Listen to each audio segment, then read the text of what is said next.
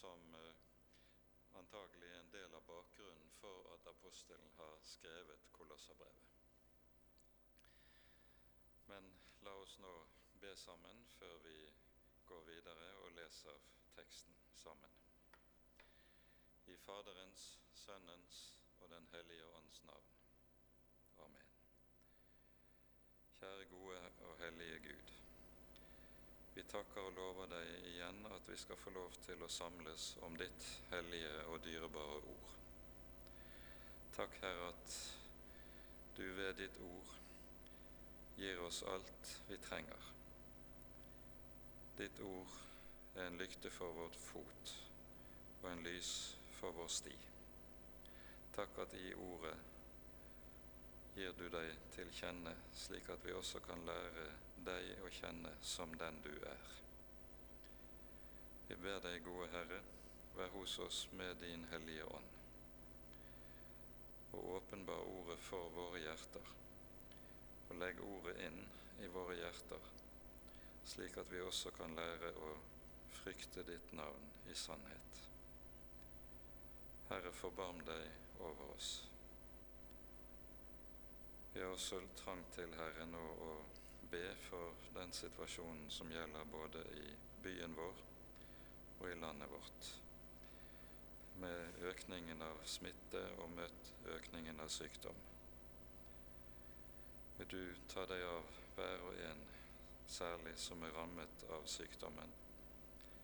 Gi helse og oppreisning igjen. Og vi ber deg også, Herre, at du særlig vil ta deg av menighetene, som også rammes i så sterk grad av sykdommen i denne tid. Herre, forbarm deg over oss og hold oss oppe, trass i alt det som nå gjør livet vanskelig, både for den enkelte og inn i menighetenes liv så legger vi oss selv og alt vårt i dine gode hender. Og takker og lover deg, Herre, fordi du er god, og din miskunnhet varer til evig tid. Amen.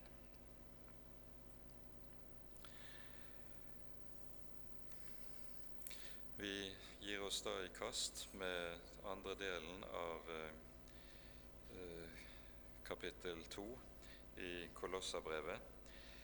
Eh, når vi nå eh, hører Paulus mer direkte berøre eh, vranglæren som har gjort seg gjeldende i byen og i dalen her, så eh, er det slik at eh, det som kan sies å være litt av et hovedavsnitt i dette, denne delen, nemlig vers 11 til og med vers 15, det er omrammet av versene fra vers 8, der Paulus skriver:" Se til at ingen får fanget dere med visdomslære og tomt bedrag etter menneskers tradisjoner, etter verdens barnelærdom og ikke etter Kristus.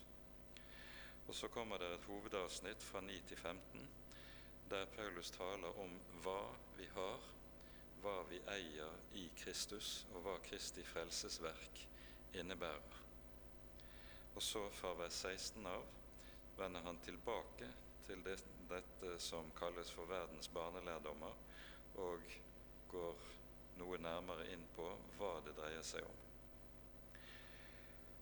Paulus tale om vranglæren er likevel såpass generell at det ikke er så helt enkelt å få grep nøyaktig om hva det dreier seg om, men en del skjønner vi av det som her sies. Vi kommer til det etter hvert. For sammenhengen sin del så gjør vi det slik da at vi leser fra vers 8 og så ut kapittelet. Se til at ingen får fanget dere med visdomslære og tomt bedrag, etter menneskers tradisjoner, etter verdens barnelærdom og ikke etter Kristus for i ham bor hele guddommens fylde legemlig. Og i ham er dere blitt fylt, han som er hodet for enhver makt og myndighet. I ham er dere også blitt omskåret med en omskjærelse som ikke er gjort med hender, ved at kjødets legeme ble avlagt ved Kristi omskjærelse, idet dere ble begravet med ham i dåpen, og i den ble dere også reist opp med ham ved troen på Guds kraft, Han som reiste Kristus opp fra de døde.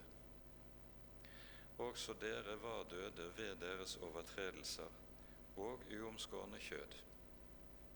Men Gud gjorde dere levende sammen med Kristus idet Han tilga oss alle våre overtredelser. Han utslettet skyldbrevet mot oss, som var skrevet med bud. Det som gikk oss imot, det tok han bort da han naglet det til korset. Han avvæpnet maktene og myndighetene og stilte dem åpenlyst til skue da han viste seg som seierherre over dem på korset. La derfor ingen dømme dere for mat eller drikke, eller med hensyn til høytider eller nymånedager eller sabbat. Dette er bare en skygge av det som skulle komme, men selve legemet hører Kristus til.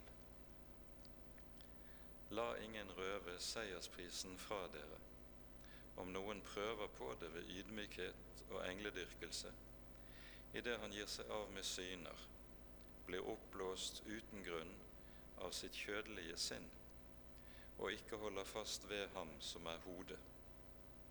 Fra ham er det jo hele legemet vokser Guds vekst, hjulpet og holdt sammen av alle bånd og ledd.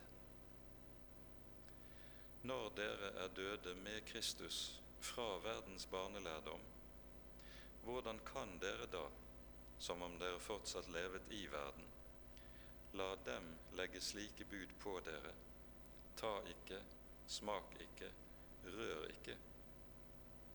Dette er bare menneskers bud og lærdommer, for disse ting er bestemt til å bli brukt og fortært. Slikt har nok ord på seg for å være visdom men selvvalgt gudsdyrkelse og ydmykhet og mishandling av legeme.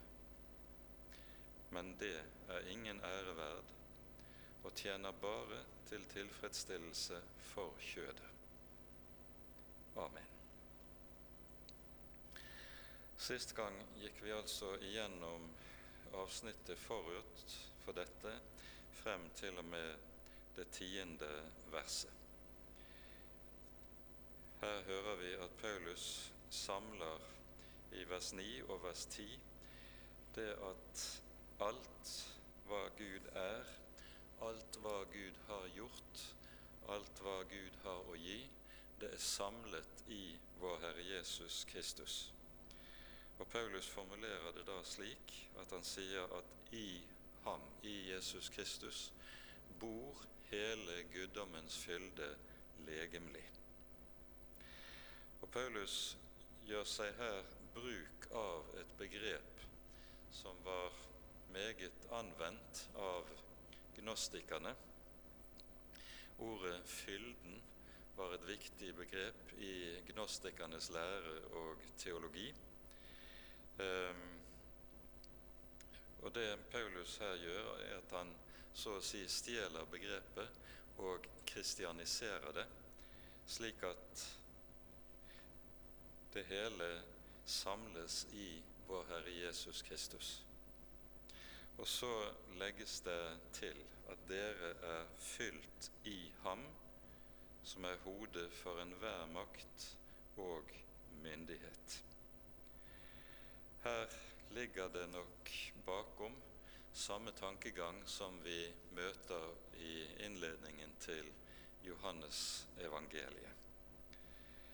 Der det først er tale om hvorledes Jesus kler seg i vårt kjøtt og blod. Ordet ble kjød og tok bolig iblant oss, sies det. Og vi så Hans herlighet, en herlighet som den en enbåren sønn har fra sin far, full av nåde og sannhet. Og så følger det to vers nedenfor av Hans fylde har vi alle fått og det er nåde over nåde. Og det er nøyaktig den samme fylde vi, Paulus her taler om, og som vi eier i evangeliet om vår Herre Jesus Kristus. Poenget er vi eier alt i Jesus. Og dette er vel så å si samlebegrepet eh, for hele Kolosserbrevet. Alt i Kristus. Vi trenger intet i tillegg til utover det vi eier i ham. I ham har vi alt. Det som det bare dreier seg om, det er å få øye på hva det er vi eier i vår Herre Jesus, og lære å regne med det vi eier i vår Herre Jesus. Så når Paulus har pekt på dette, at vi eier hele fylden i evangeliet i, når vi eier vår Herre Jesus, så går han inn på i de neste versene fra vers 11 til vers 15 meget kort å sammenfatte for oss hva det er vi eier i ham. Og Han begynner da med det som vi hører i det ellevte verset. I ham er dere også blitt omskåret med en omskjærelse som ikke er gjort med hender, ved at kjødets legeme ble avlagt ved Kristi omskjærelse. Her gjør Paulus bruk av en tanke som vi møter allerede i flere steder i Det gamle testamentet, der vi hører om at Herren oppfordrer Israels folk til å omskjære sine hjerter. Det er ikke den ytre omskjærelsen på legemet som er det avgjørende, det, det som er det store spørsmål, er om hjertet er omskåret. Vi hører dette f.eks. i 5. Moseboks tiende kapittel, der det lyder sånn i det 16. verset. Herren sier til folket, så omskjær da deres hjertes forhud, og vær ikke så hårnakket. Litt lenger ute i det 30. kapittelet her i 5. Mosebok hører vi om løftet om frelsens tid som skal, en dag skal komme, da Herren skal gi folket omvendelse. Og Her eh, sies det slik i det sjette verset Herren din Gud skal omskjære ditt hjerte og dine etterkommeres hjerte så du elsker Herren din Gud av hele ditt hjerte og av hele din sjel. Da skal du få leve. Og Her hører vi altså løftet om det som en dag skal skje når frelsen åpenbares. Da er det Herren selv som skal omskjære hjertene. Og frukten av dette er at folket Guds folk skal elske Herren sin Gud av all sitt hjerte og av all sin sjel. I eh, slutten av Romerbrevets andre kapittel tar Paulus samme sak opp, eh, og en, fra en litt annen synsvinkel, og skriver her om jødene og deres omskjærelse følgende fra vers 25 står det slik Omskjærelsen er nok til nytte dersom du holder loven. Men er du en lovbryter, da er din omskjærelse blitt til forhud. Om nå en uomskåren oppfyller lovens krav om rettferdighet, skulle ikke da denne uomskårne regnes som omskåret? Og den som i ytre forstand ikke er omskåret, men oppfyller loven, skal dømme deg, du som med bokstav og omskjærelse er en lovbryter. For ikke den er jøde som er det i det ytre. Heller ikke er det omskjærelse som gjøres i det åpenbare, på kjødet. Men den som er jøde i det skjulte, han er jøde og omskjærelsen er hjertets omskjærelse i ånden, ikke i bokstaven.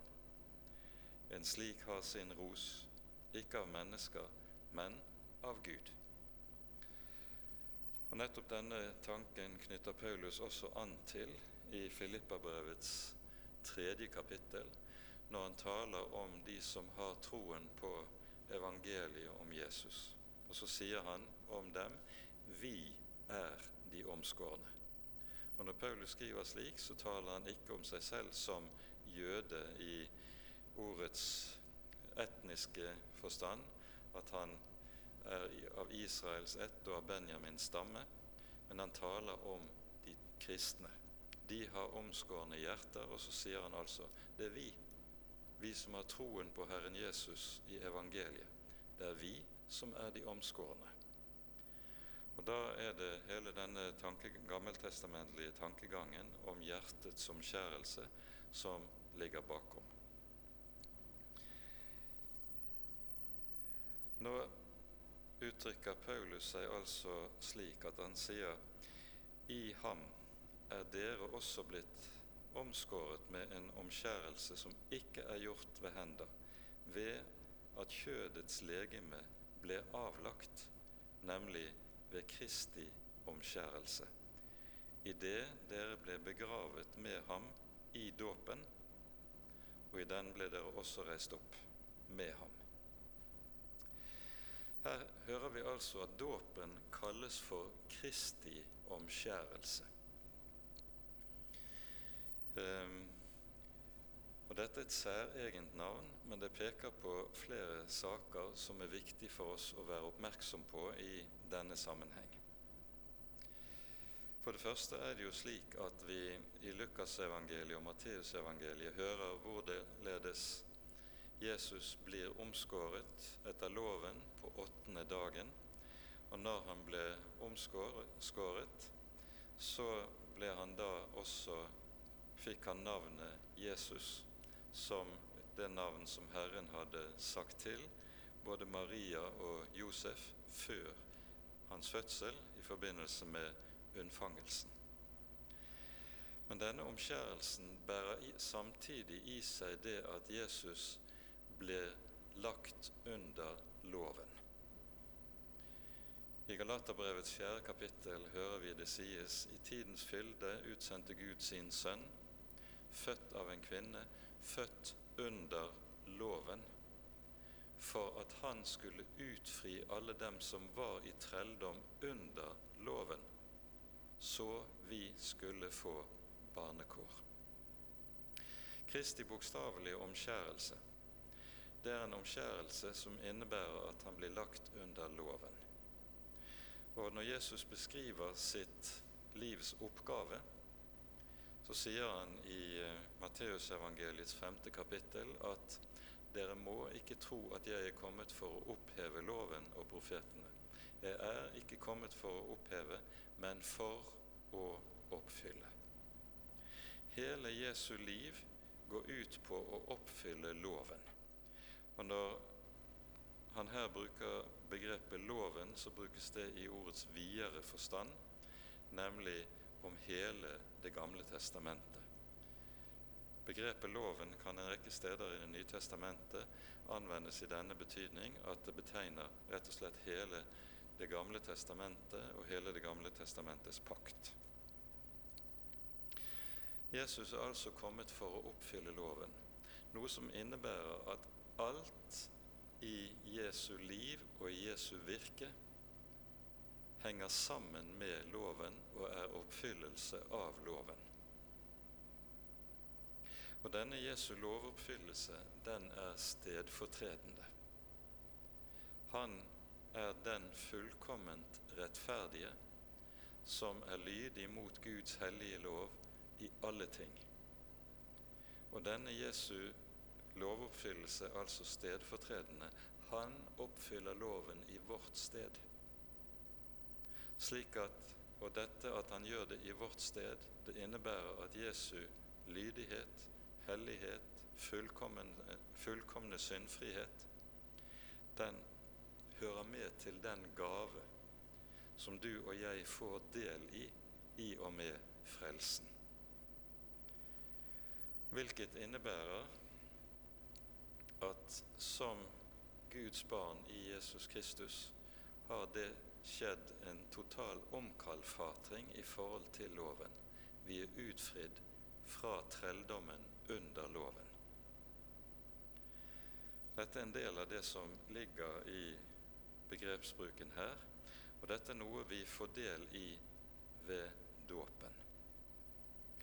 Når dåpen også kalles Kristi omskjærelse, så dette, hører dette med som noe av bakteppet for at barnedåpen allerede i oldkirken var regnet som en selvfølge. Barn Guttebarn ble jo i det gamle Israel omskåret på den åttende dagen, og på, den, og på det vis ble de barna lukket inn i Herrens pakt. De ble lemmer i Guds folk ved denne ved paktstegnet. Og På samme måte så er dåpen det paktstegnet som gis oss med, med, i den nye pakt, og på samme måte som barna fikk del i dette i den gamle pakt, så får barna del i pakten, blir en del av Guds folk ved det som er den nye pakts omskjærelse, dåpen.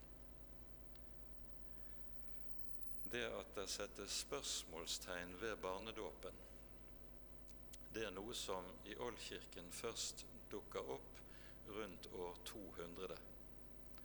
Altså et par hundre år etter Vår Herres Jesu tid. Forut for dette så var barnedåpen rett og slett en helt selvfølgelig ting som ingen satte spørsmålstegn ved. Men det som kjennetegnet barnedåpen, var jo det som også var en selvfølge i Oldkirken. Det var barna til troende foreldre som ble døpt.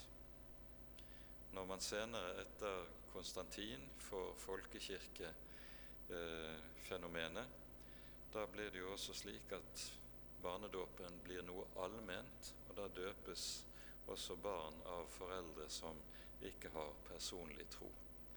Men det var noe som var utenkelig i Oldkirken.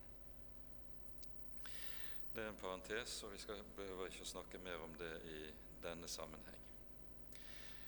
Men så fortsetter Paulus med ganske kort å si hva dåpen egentlig innebærer.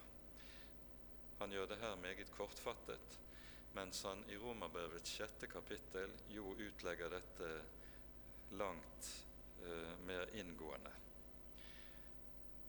Dere ble begravet med ham i dåpen, og i den ble dere også reist opp med ham ved troen på Guds kraft, Han som reiste Kristus opp fra de døde.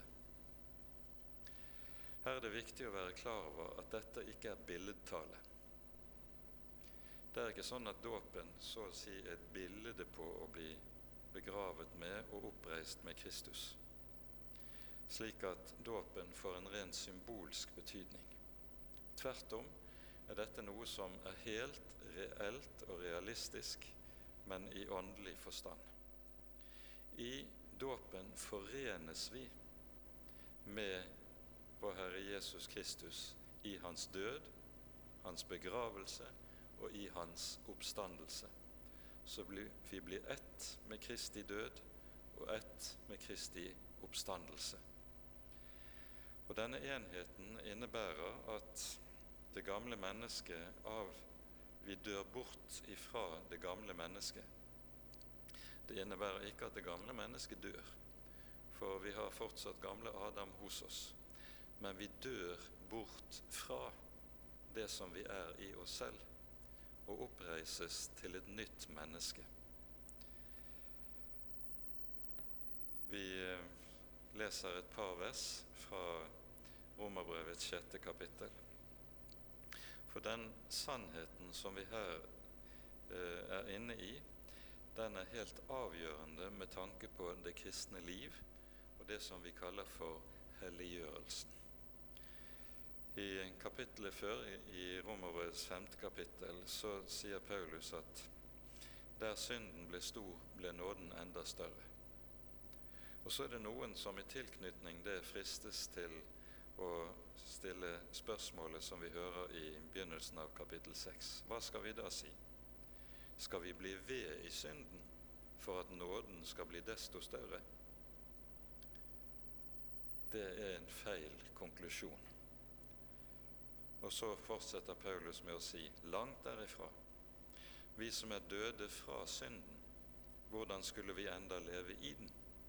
Eller vet dere ikke at alle vi som ble døpt til Kristus Jesus, ble døpt til hans død? Vi ble altså begravet med ham ved dåpen til døden, for at like som Kristus ble reist opp fra de døde ved Faderens herlighet, så skal vi også vandre i et nytt levnet, eller et nytt liv, er det oversatt. Men i grunnteksten står det en annen formulering som er vel verd å grunne på. For at vi skal vandre i livets nyhet. Men det peker Paulus på noe annet.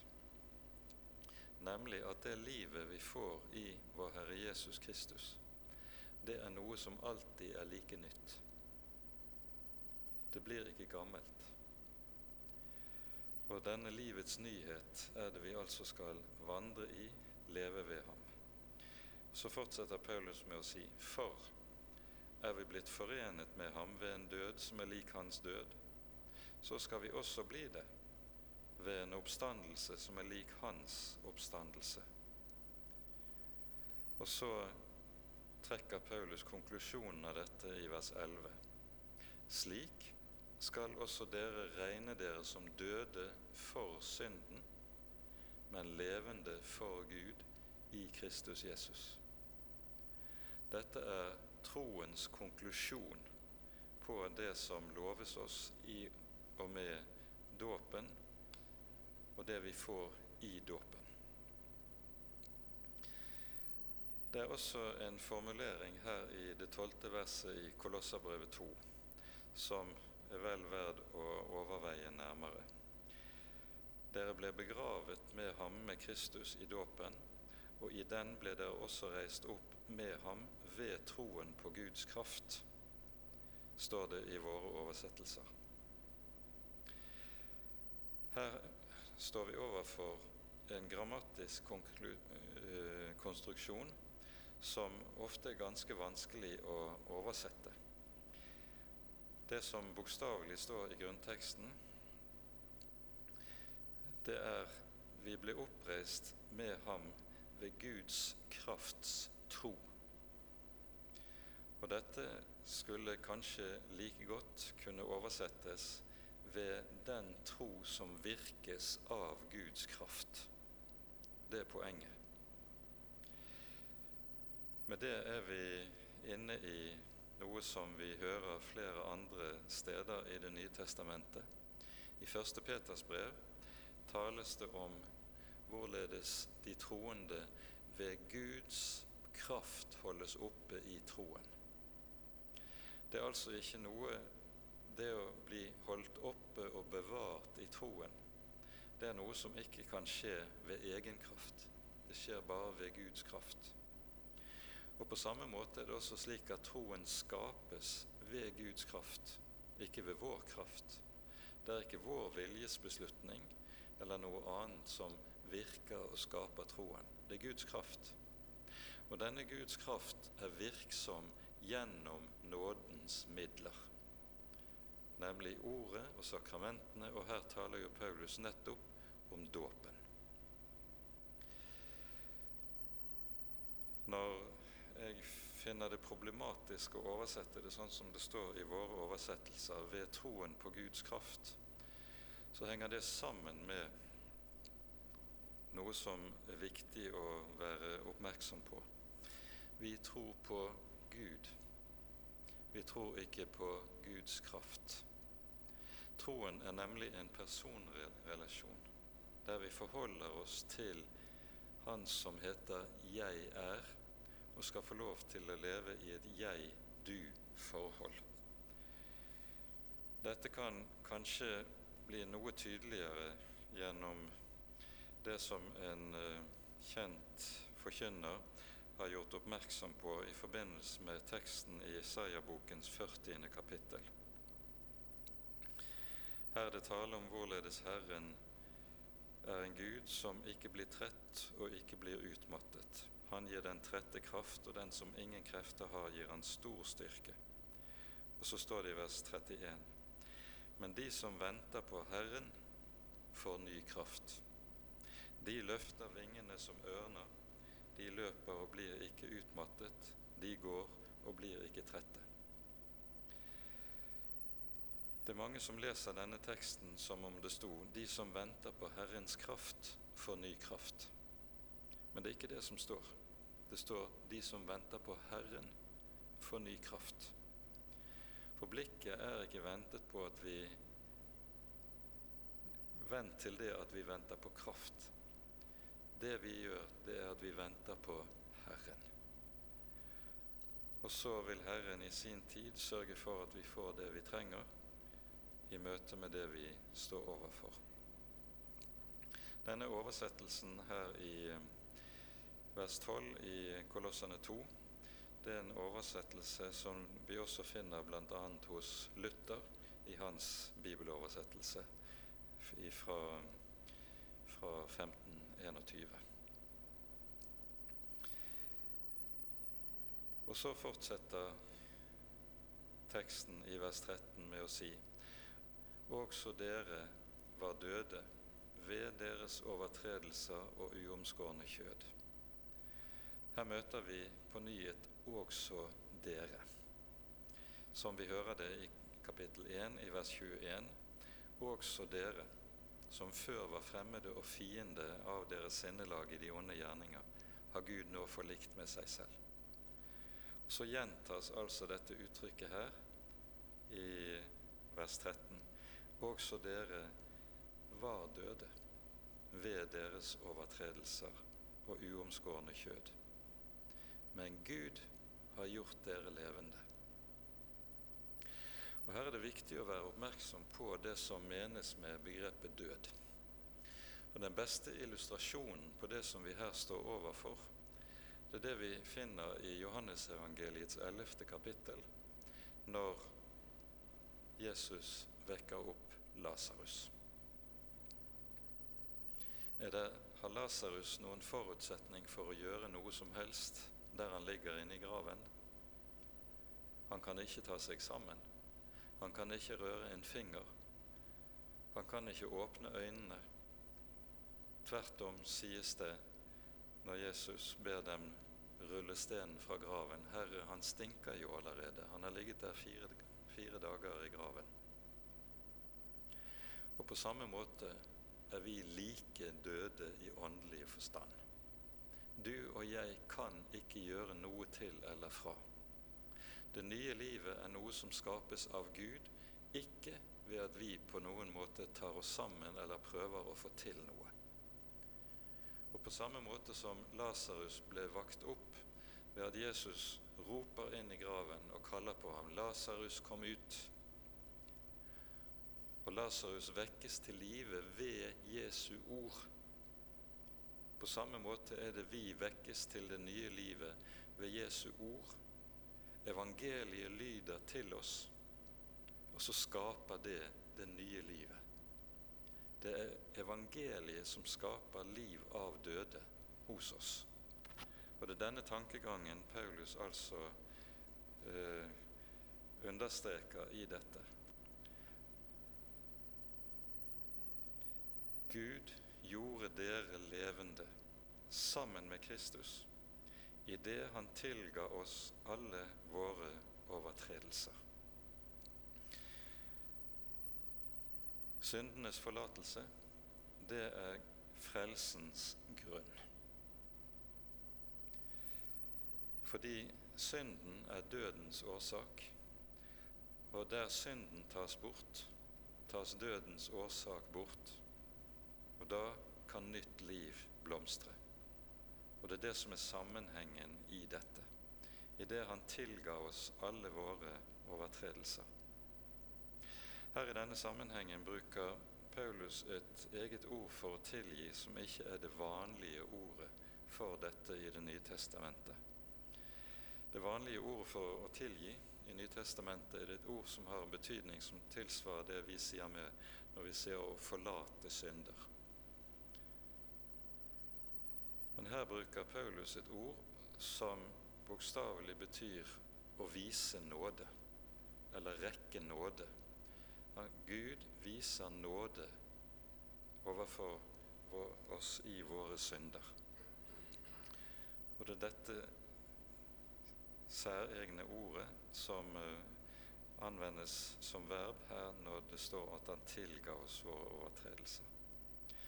Og Hva betyr det at våre overtredelser blir tilgitt? Jo, det kommer i vers 14. Han utslettet skyldbrevet mot oss, det som var skrevet med bud. Det er et håndskrevet gjeldsbrev. Poenget her er jo det at dette er en del av Bibelens tale om hva synden gjør med vårt forhold til Gud. Vi kommer i et skyldforhold. Vi er skyldnere overfor Gud av vår synd. Dette er jo Det nye testamentet noe som kommer aller tydeligst til uttrykk i lignelsen om den ubarmhjertige medtjener som vi hører i Matteusevangeliets 18. kapittel. Her er det at Peter først spør Jesus, 'Herre, hvor ofte skal jeg tilgi min neste?' Så mye som syv ganger. Peter synes han tar sterkt i når han spør sånn. For fariseerne, de lærte tre ganger. Så han hadde jo skjønt at Jesus hadde langt mer nåde og godhet å gi enn det fariseerne hadde på lager. Så han mente at syv ganger må, måtte jo være å ta godt i. Og så er det at Jesus svarer nei, ikke syv ganger, men 70 ganger syv ganger, altså ubegrenset. Og så er det at han forteller lignelsen om den ubarmhjertige medtjener som skylder 10 000 talenter. Det er en anskuelse av den gjeld du og jeg står i overfor Gud. Det er en så svimlende stor sum at det er umulig for oss på noe som helst vis å kunne betale det. Det er gjelden. Så skjer det store under at Herren er nådig mot denne tjener og ettergir ham hele gjelden. Det er det som skjer på korset. Han utslettet gjeldsbrevet mot oss som var skrevet med bud. For det som jo er saken, er at synd er lovbrudd. Det er loven som definerer våre synder. Og med de ti bud så er det samtidig satt opp en meget klar og tydelig liste over hva slags gjeld du står i overfor Gud. For du og jeg, vi har brutt hvert eneste ett av budene. Kanskje ikke alltid i det ytre, men i hvert fall i våre hjerter. Og så står vi i en gjeld som er skyhøy. Denne, dette gjeldsbrevet tar han altså bort og nagler det til korset. I Kristi person blir skyldbrevet naglet til korset. Så vi blir gjeldfrie. Vi er ikke lenger gjeldsslaver. Den som er under loven, er i den typen trelldom som gjeldsslaven står i den som er blitt fri fra loven, han er ikke lenger gjeldsslave, han er fri i denne forstand. Og dette er en del av det som ligger i Det nye testamentets tale om at vi er frie fra loven. Nå knyttes det vi her hører, sammen med det som kommer i det neste verset. Han avvæpnet maktene og myndighetene og stilte dem åpenlyst til skue da han viste seg som seierherre over dem på korset. Maktene og myndighetene, det er alt det det fellesnevner og felles benevnelse på alt det vi kaller Satan og hans ånde, tjenere, åndsmakter. Alt det er også blitt beseiret på korset. Og vi skal merke oss hva seieren består i. De er avvæpnet ved at de er stilt åpenlyst frem, sies det. Poenget med det som her sies, er at djevelen og djevelens tjenere og åndsmakter, de lever alltid ved å skjule seg. De opptrer alltid forkledd, alltid med maske, utgir seg alltid for å være noe annet enn det de i virkeligheten er. Djevelen trer frem som lysets engel, kommer til oss som den som tilbyr oss goder og velsignelser, slik at det ser så tilforlatelig ut. Djevelen kommer aldri så å si i egen person. Han kommer alltid med maske. Og svarene til dette får vi si i parentes er det, altså, er det slik at vår bibel taler meget om dette at vi skal få lov til å skue Guds ansikt. Herren lar sitt ansikt lyse over deg og være deg nådig. Guds, Gud er en som ikke opptrer med masker og med maskespill. Gud er den som alltid kommer åpent og fritt. Men Skriften taler aldri om djevelens ansikt, fordi han alltid skjuler seg skjuler sitt forehavende, aldri opptrer åpent, redelig og ærlig, i motsetning til Gud. Sånn at avsløringen består i dette at disse er dratt frem i lyset og ikke lenger kan skjule seg. Korset er den endelige seier over djevelen og hans tjenere, og dette er noe som vi minnes meget sterkt om i Johannes' åpenbaring i det tolvte kapittel. Her hører vi den kamp som foregikk så å si i det skjulte med djevelen da Jesus døde på korset. Og Resultatet av denne kampen er det, dette. Jeg hørte en høy røst i himmelen si:" Fra nå av tilhører frelsen og kraften og riket vår Gud og makten Hans salvede. For våre brødres anklager er kastet ned, han som anklaget dem for vår Gud dag og natt. De har seiret over ham i kraft av lammets blod og det ord de vitnet, og de hadde ikke sitt liv kjært like til døden. Djevelen er beseiret. Jesus sier forut for korsfestelsen at nå skal denne verdens fyrste kastes ut. Det skjer i forbindelse med korset. Der kastes han ned. Nå er det sånn at det er en viktig sammenheng mellom vers 14 og vers 15 her i Kolosserbrevet. For djevelen kalles for anklageren. Og hva er det djevelen gjør når han opptrer som anklageren? Jo, han tar i bruk Guds hellige lov. Og så angriper han oss i samvittigheten. Det er den typen angrep som i gammel kristen språkbruk kalles for anfektelse. Og vi hører om dette fremstilt for oss på meget anskuelig vis hos profeten Sakarias i det tredje kapittelet.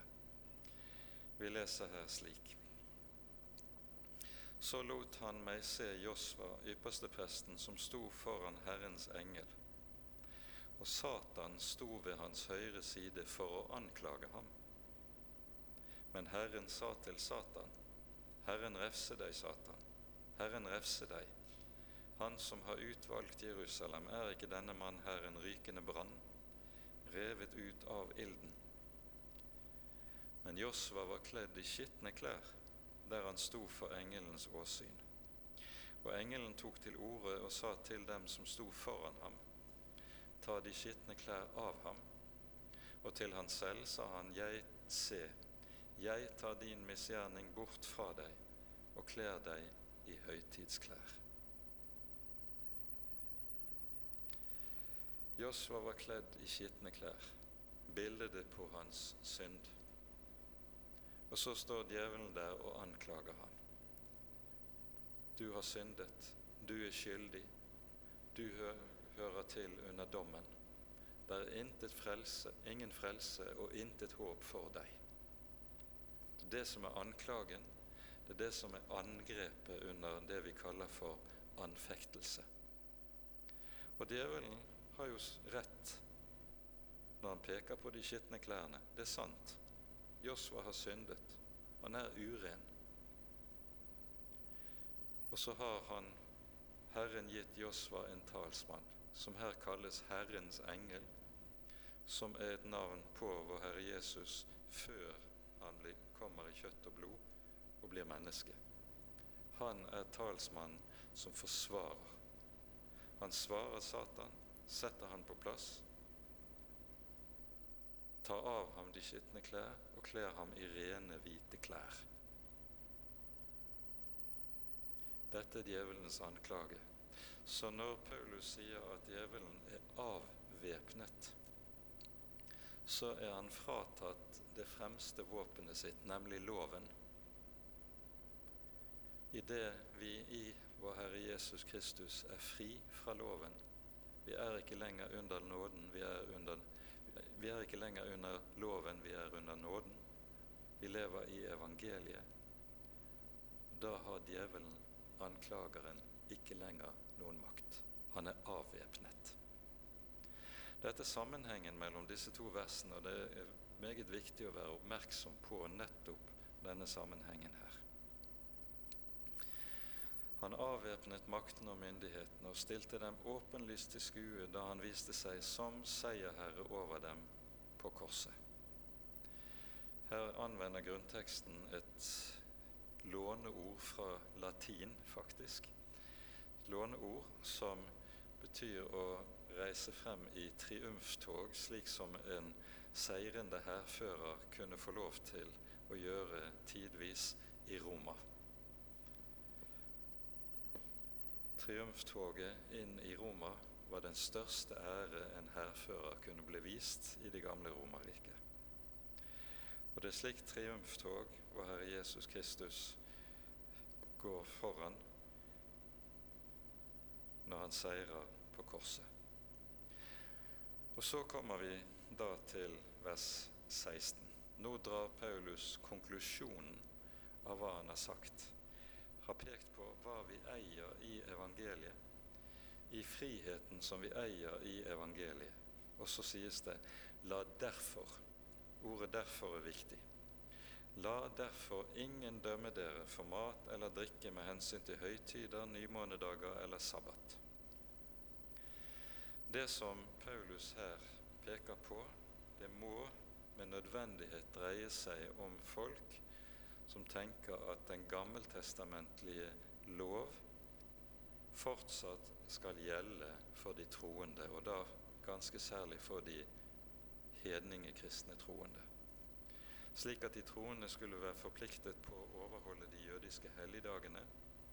Nymånen er en egen høytidsdag som ble feiret månedlig, altså, ifølge 4. Mosebok 28, der vi finner reguleringer for feiring av nymånen. Sabbaten skulle feires ukentlig. 2. Mosebok 31 gir en veldig sterk understrekning av sabbatens betydning som paktstegn mellom Herren og Israels folk på linje nærmest med omskjærelsen. Og andre høytider, også mat og drikke. Tredje Moseboks ellevte kapittel gir spiseforskriftene der det skjelnes mellom ren og uren mat. Dette vil disse også gjøre gjeldende for de troende. Så kan en spørre hva slags vranglære er, man, er det man står overfor her i Kolosset. Antagelig, vi har vært inne på det tidligere, gnostisismen var en blandingsreligion som forekom i en rekke ulike varianter eller utgaver. Det vi muligens her står overfor, er en type jødisk gnostisisme som både vil, eh, vil eh, ta hensyn til de eh, lover og regler som vi finner i Mosebøkene, samtidig som det hentes inn en del av gnostiske, de gnostiske spekulasjonene som også hørte til i dette. Men at det her er tale om det gammeltestamentlige lovgivningen, det gir seg ut fra det vi hører i vers 17. For her sies det dette er bare en skygge av det som skulle komme. Og Her anvender Paulus eh, et uttrykk som vi hører flere steder i Hebreabrevet, der det jo sies uttrykkelig at det som hører til offerlovgivningen i tempelet, det var en skygge, et forbilde på det som skulle komme. Og nå, når virkeligheten er kommet, eller sånn som Paulus uttrykker det her, selve legemet er kommet, da trenger vi ikke lenger skyggen. Det er noe som er tilbakelagt. Det farlige med denne typen vranglære, det berører Paulus så i det neste verset. La ingen røve seiersprisen fra dere, om noen prøver på det. Her anvender Paulus et uttrykk som er hentet fra idrettsarenaen. Det er et, uttrykk, et verb som anvendes om dommerne som dømte ved idrettslekene, f.eks. Øh, de olympiske leker eller de korintiske spillene. Og Da var det slik at det var dommerne som jo kunne tilkjenne en mann seier, eller motsatt diskvalifisere han hvis han ikke fulgte reglene. Vi har idrettsdommere på samme måte i våre dager. De deler ut røde kort, og de diskvalifiserer om noen ikke følger reglene. Og Her er det altså slik at det handler om å følge og leve i det som du kunne kalle for evangeliets regel. Evangeliets regel forbyr å legge noe til evangeliet. Vi skal ikke legge til noen lydighet mot seremonilovgivningen og andre ting som hørte til i Det gamle testamentet. Det legger intet til. Og om en kristen begynner å gjøre det, så følger han ikke evangeliets regel og kan risikere det dypt alvorlige som Paulus her peker på. Han kan så å si bli diskvalifisert. Han kan miste seiersprisen. Og så følger det, om noen prøver på det ved ydmykhet og engledyrkelse og gir seg av med syner og blir oppblåst uten grunn av sitt kjødelige sinn. Hva det siktes til nøyaktig med det Paulus her omtaler når han peker på ydmykhet, engledyrkelse, syner, det vet vi egentlig lite om. Ellers i Det nye testamentet er jo ydmykhet en egenskap som roses. Men her må det være tale om en sort ydmykhet som ser Det er noe som ser ydmykt ut i menneskers øyne, men i realiteten er det stikk motsatte. Hvorledes dette nøyaktig har gitt seg uttrykk, er ikke godt å få rede på, ei heller det som sies om engledyrkelse eller syner. Men det han sier om dette, det er at alle slike ting det fører til at en blir oppblåst i sitt kjødelige sinn. Det er en oppblåsthet som du kan sammenligne med en ballong og så skal det bare en liten nål til for at det hele sprekker. For det har ingen verdi. Det er bare luft. Det er noe som det ikke er hold i, og som ikke har bærekraft i seg. For det som skjer der man vil legge slike ting til, den rikdom, den fylde som vi eier i evangeliet, der fører det til det dypt alvorlige som sies i vers 19, at en ikke nemlig da holder fast ved Han som er hodet, nemlig Jesus Kristus. En rekke flere steder her i Kolosserbrevet benevnes jo Jesus ved tittelen hode. Han kalles hodet. Og bildet som ligger bak, er dette med legeme, der menigheten er Kristi legeme, og han er hodet. Og på nøyaktig samme måte som det er med kroppene våre kroppen styres av hodet via de nervebaner osv.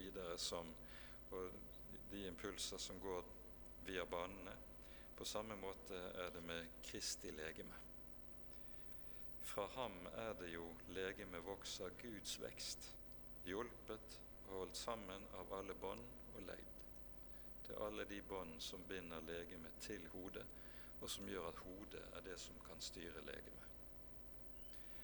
Og Dette er det altså som skaper det som er sunn åndelig vekst i Guds folk. At vi holder fast ved Han som er hodet. Paulus taler litt mer utfyllende om samme sak i Efeserbrevets øh, fjerde kapittel. Vi tar oss tid til å lese et par vers derfra. Her taler han om hvorledes Jesus ved sin himmelfart gir avskjedsgave til sin menighet. Og avskjedsgavene som Jesus gir, det er at han innsetter ordets tjeneste i sitt folk.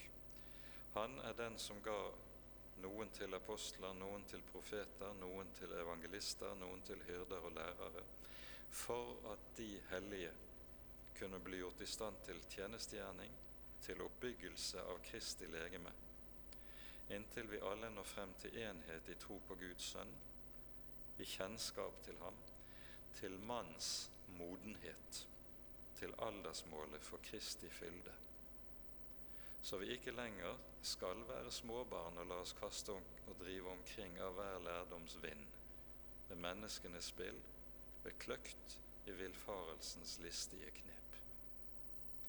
Her er det tale om en åndelig vekst som vi må kalle modning. Og akkurat som vi mennesker vokser etter hvert til fra å være barn til å bli modne og voksne, slik skal også troen modne. Det er den typen vekst Paulus taler om i denne sammenheng. Og så kommer det i det neste verset.: Når dere nå altså er døde med Kristus, fra verdens barnelærdom, hvordan kan dere da, som om dere fortsatt levet her i verden, la dem legge slike bud på dere. Ta ikke, smak ikke, rør ikke. Dette er bare menneskelige lærdommer. For disse ting er bestemt til å bli brukt og fortært. Her er det muligens tale om en type askese som disse vanglærerne også representerte. Den slags askese kommer Paulus tilbake til i første Timotius brev, og skriver om dette i fjerde kapittel i første Timotius brev slik. Ånden sier med klare ord at i de kommende tider skal noen falle fra troen og holde seg til forførende ånder og demoners lærdommer det skjer ved hykleri av falske lærere som er brennemerket i sin egen samvittighet. Disse forbyr å gifte seg og påbyr å avholde seg fra visse slags mat, enda Gud har skapt den til å bli tatt imot med takk av dem som tror og har lært sannheten å kjenne. For alt det Gud har skapt, er godt, og ikke noe er å forkaste når det mottas med takk. For det blir helliget ved Guds ord og bønn. Og Dette er jo bakgrunnen for at vi ber vår bordbønn, f.eks. Men det sier vi nettopp som apostelen sier her. Alt Guds skapning er god, og det helliges ved bønn og ved takk. Så slutter kapittelet da med at Paulus gir en karakteristikk av denne typen vranglære som vi her har med å gjøre. Den slags har nok ord på seg for å være visdom. Men selvvalgt gudsdyrkelse og ydmykhet og mishandling av legeme, det er altså tale om en type askese, det er ingen ære verd og tjener bare til tilfredsstillelse av kjødet. Det taler om en type fromhet og religiøsitet som menneskene gir seg hen til og som når man lykkes i denne typen religiøsitet, så blir man veldig fornøyd med sin egen fromhet. Det er det Paulus mener når han taler om at dette er en tilfredsstillelse for kjødet. Man er så fornøyd med at man er blitt så from og lykkes sånn i sin tros- og religiøse praksis. Det er ingen ære verd, sier Paulus her. For det som er en kristens ære, hva er det? Paulus kommer tilbake til det i en rekke ulike sammenhenger og sier det være langt fra meg å rose meg av noe annet enn av vår Herre Jesus Kristus og av Hans kors. Det er en kristens ære. Jeg roser meg av, jeg setter min ære i det jeg eier i vår Herre Jesus. Han er min ære. Han er min ros. Han er min herlighet. Han er mitt liv. Han er min visdom. Han er min styrke. Han er min renhet og rettferdighet og min hellighet. Hva mer trenger jeg hvis jeg har ham? Det handler om bare å se. Se hva vi eier i ham. og å lære å regne med det. Dette er det Paulus vil understreke og minne oss om i disse tekstene her ifra Kolosserbrevet. Med det setter vi punktum for dagens bibeltime og fortsetter neste gang i det tredje kapittel. Ære være Faderen og Sønnen og Den hellige ånd som var og er og være skal, en sann Gud, høylovet i evighet. Amen. La oss be Herrens bønn.